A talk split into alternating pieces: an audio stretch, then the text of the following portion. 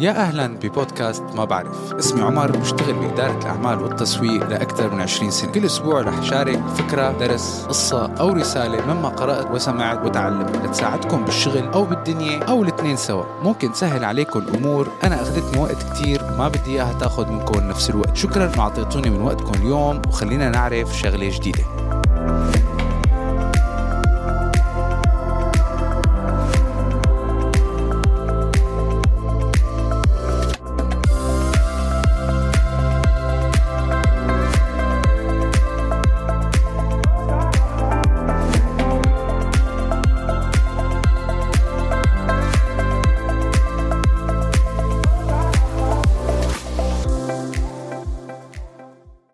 السلام عليكم ورحمة الله وبركاته. بحلقة جديدة من بودكاست ما بعرف.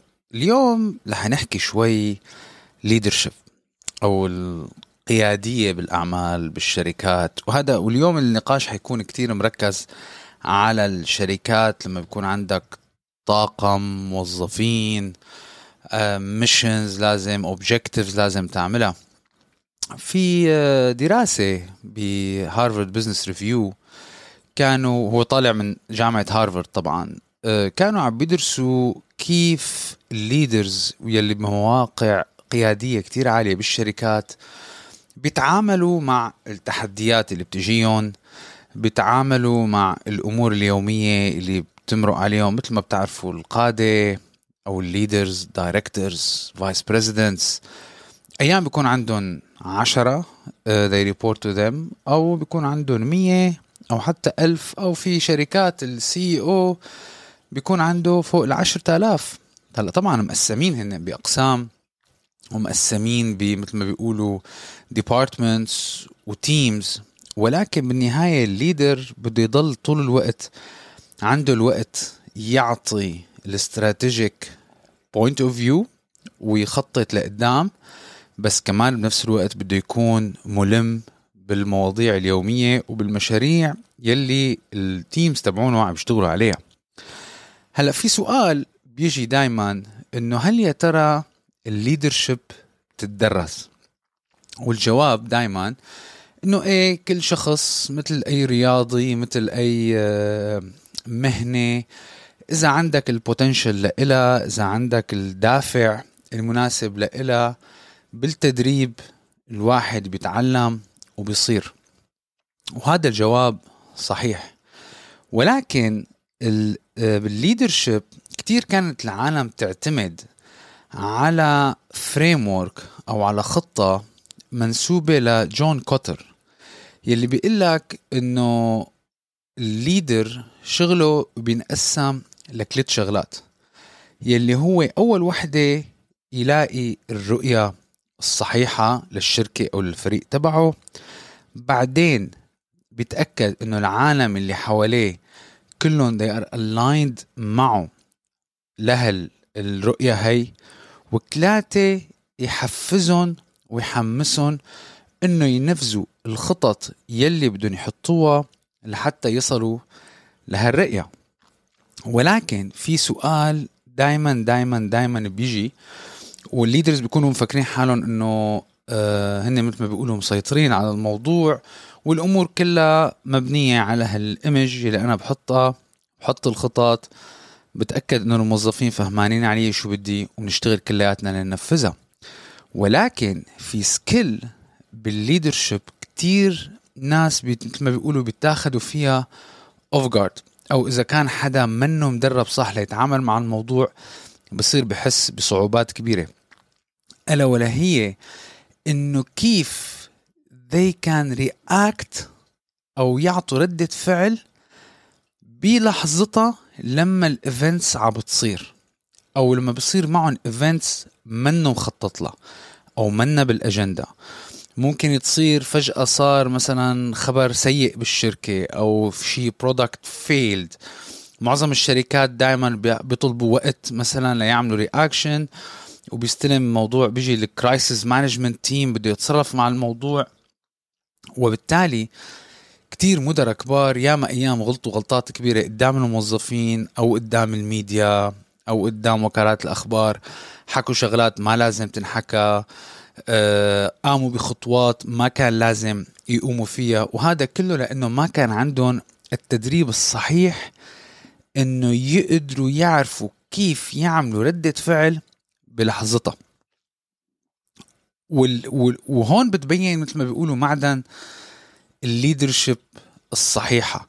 دائما بيقول لك إنه لما بتاخذ الشخص ب off guard أو بدون هيك فجأة بصير معه شيء كيف بيمسك حاله وكيف بيعمل ردة فعله وكيف بيتحكم بالظروف هي يلي أيام بتفصل مثل ما بيقولوا ال leaders ال leaders الصح عن ال leaders اللي اخذوا الشغلة بالأملية أو التبعية أو بالهايراركي عملوا دراسة بجامعة هارفارد على 27 مدير تنفيذي لشركات كتير مختلفة وراقبوا وقته على مدار 15 دقيقة وعلى مدار 24 ساعة بالنهار ل 13 أسبوع.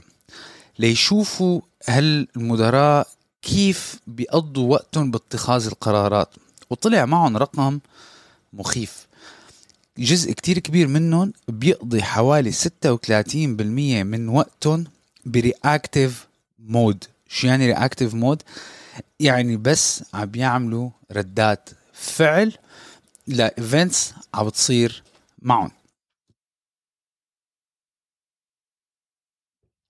وبالتالي هذا بيورجيك إنه هال reactive mode هاد بياخد حيز كتير كبير من وقت المدير التنفيذي وكيف بده يتعامل مع هالحوادث اللي عم بتصير معه وياخد القرارات الصحيحة.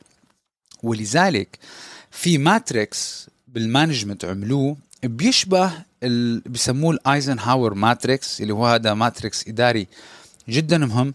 هذا ال matrix بسموه ال reactive management framework شو يعني reactive management framework يعني هو الإطار يلي بيحدد كيف الإدارة أو المدير أو ال leader بده يعمل ردة فعل على أحداث بتصير معه أثناء النهار أثناء الأسبوع أو أثناء الشهر.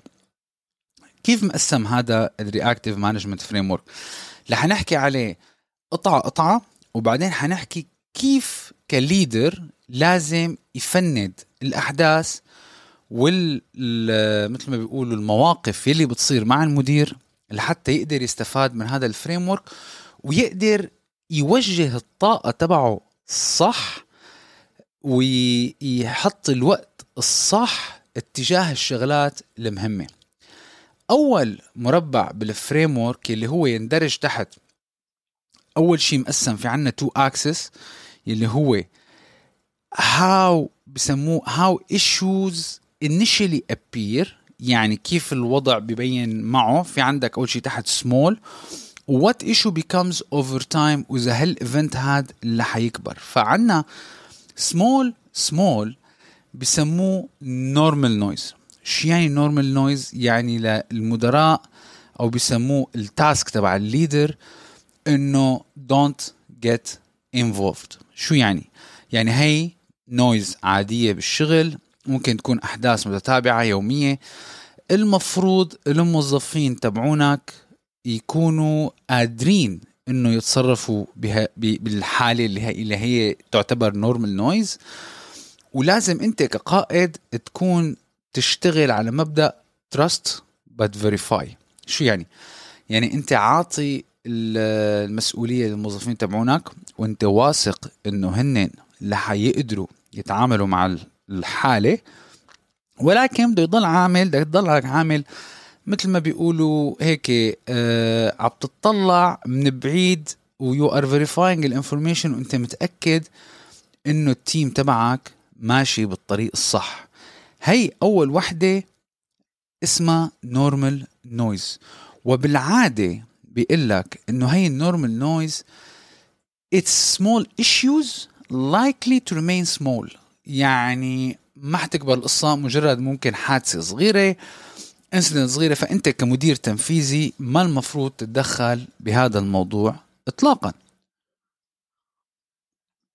بنجي على المربع الثاني يلي هو يعتبر مهم وهذا اللي بده ال attention تبعك مية بالمية. هو الكاتب سماه أو الباحث سماه clarion calls.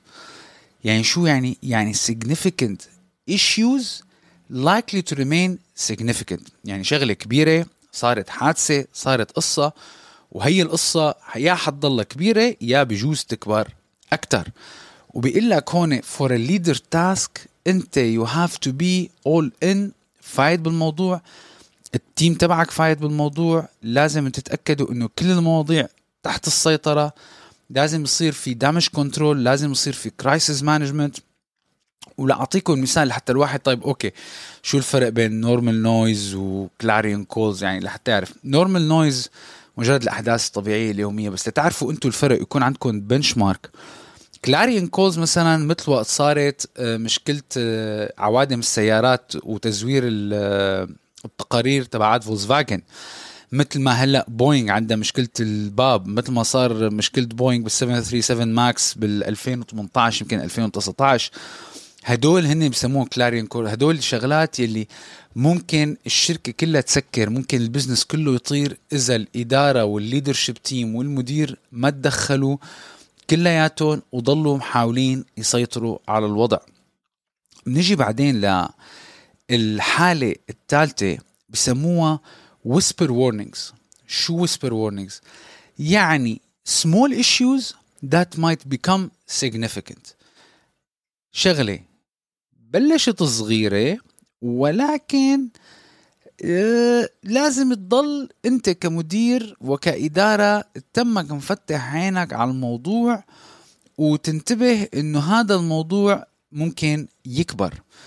مثال كتير كتير مشهور صار بالتسعينات مع شركة فايرستون آه، كان عم بصير حوادث وعم بصير حالات وفاة و indirectly كل مثل ما بيقولوا الأصابع الاتهام كانت تتجه للدواليب ولكن ما حدا أخذ الموضوع seriously مع الوقت وبلشت العالم تجمع قضايا وأدلة ومحاميين. هي كلها whisper warnings الشركة كانت ماشية مثل ما بيقولوا الصلاه على النبي ولا منتبهين لكرة الثلج يلي عم تكبر كل مالها بالألفينات طلعت الدنيا وصل الموضوع للميديا وصار في قضايا كتير كبيرة.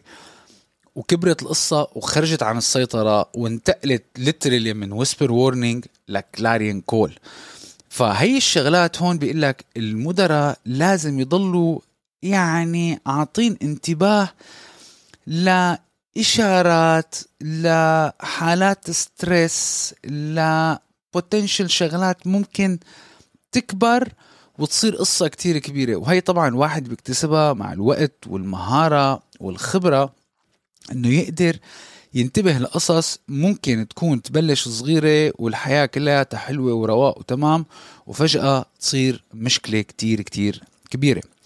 بنجي بعدين للمربع الرابع يلي هن بسموه siren songs شو siren songs يعني significant issues that are likely to diminish over time. وهي بدها ذكاء وبدها مهارة كتير كتير كبيرة لحتى تعرف لأنه أنت بيكون مطلوب منك كمدير تنفيذي ساعتها to not overreact. يعني ممكن الشغلة بلشت كتير كبيرة بالبداية بس أنت عرفان إنه مع الوقت هي القصة اللي حتصغر من الشغلات اللي اللي صارت مثلا آه بيقول لك إنه ال iPhone 4 وقت أطلقوه كان فيه مشكلة إنه التليفون بيفصل هي والعالم عم تحكي وبلشت العالم هذا التليفون تعبان ما له داعي. آه، طبعا أثر على ال stock price تبع شركة ابل بلش يطلع negative reviews كتير على التليفون. ولكن بحكمة الإدارة تبع ابل بهداك الوقت وكان وقتها ستيف جوبز ما عملوا overreaction وقالوا الموضوع لا حيتصلح شغلة software رح نظبطها وحيمشي الحال. لا عملوا media releases ولا media conferences ولا رسائل اعتذار ولا أي شيء. هون بالبداية ببين كأنه المنتج فشل فشل ذريع بالبداية وفي عالم كتير ممكن ببنكوا بيخافوا ال stock price تبعنا عم بينزل ولازم نتصرف صح ولازم نعمل هيك ولازم نعمل نحط مثل ما بيقولوا statement الإدارة قالت لهم it's fine هي بس شغله وقت it's bubble ورح ترجع الأمور مثل ما بيقولوا it will settle وكله حيكون تمام. هدول بسموهم siren songs هلا بنجي لهذا الموضوع. طيب هدول كلياتهم مؤشرات كتير حلوة وأدوات كتير حلوة لحتى الواحد يعرف كيف بده يتعامل مع الحالة اللي بتجي. الشطارة وين بقى؟ الشطارة إنه المدير التنفيذي ولا أنت كقائد ولا ك leader عندك team وانتبهوا.